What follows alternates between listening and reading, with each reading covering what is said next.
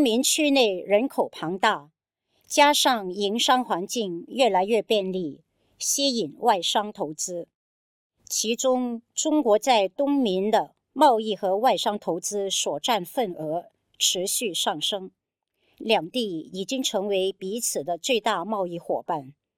随着粤港澳大湾区向高端方向发展，区内企业积极向外拓展，东明可以说是理想的贸易和投资目的地。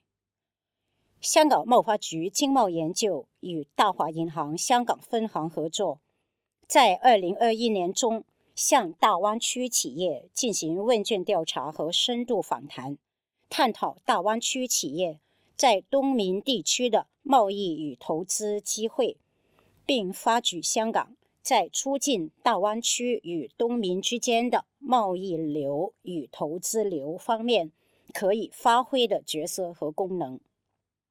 调查结果显示，百分之二十九大湾区企业认为在东明运营具有成本效益。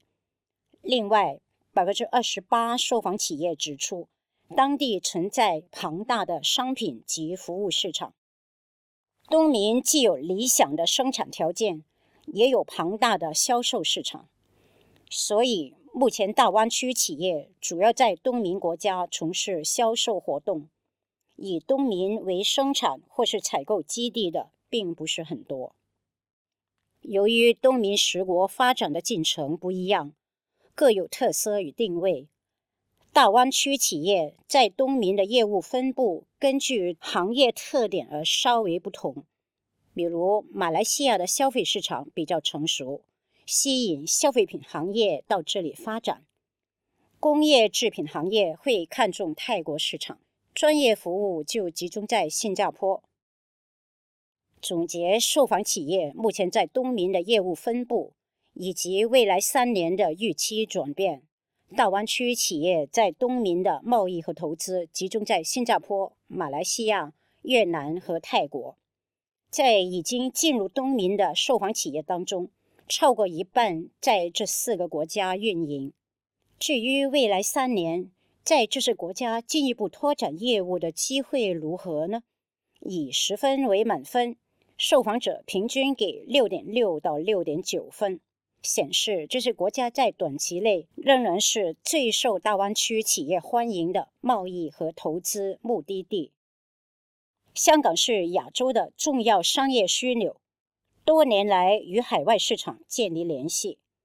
具有优势，担任大湾区与东明之间的平台，帮助区内企业向外拓展。以十分为满分，受访者对于香港的重要性的评分大概是七点三分。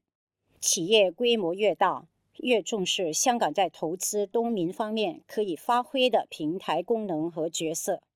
对于香港连接大湾区其他城市方面，大湾区企业。十分满意区内的物流网络，一半受访者给八到十分。受访者也认同香港的监管制度透明度高，以及本地的金融产品和银行服务种类多。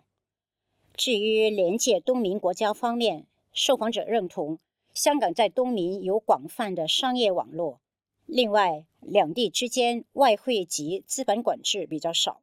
有助大湾区企业拓展东明市场。过去两年，各地采取严格的边境管制措施，阻碍跨境贸易和投资活动。在后疫情时代，经济复苏的强度有待观察。但是可以预期，企业将会重启一度推迟的拓展计划，跨境贸易和投资活动肯定会再度活跃。香港提供的服务足够支撑疫情后庞大的贸易流和投资流。针对大湾区企业在东明的贸易和投资活动，百分之四十五受访者表示，经常或是有时候使用香港的会议展览和奖励旅游服务。百分之十六更表示未来三年会更频繁使用相关服务。其他市场有较大需求的服务包括销售及营销服务物流及供应链管理和金融服务。香港的专业服务网络覆盖全面具备国际视野。大湾区企业可以通过香港迅速和东明的买家和业务伙伴重新联系把握后疫情时代的机遇。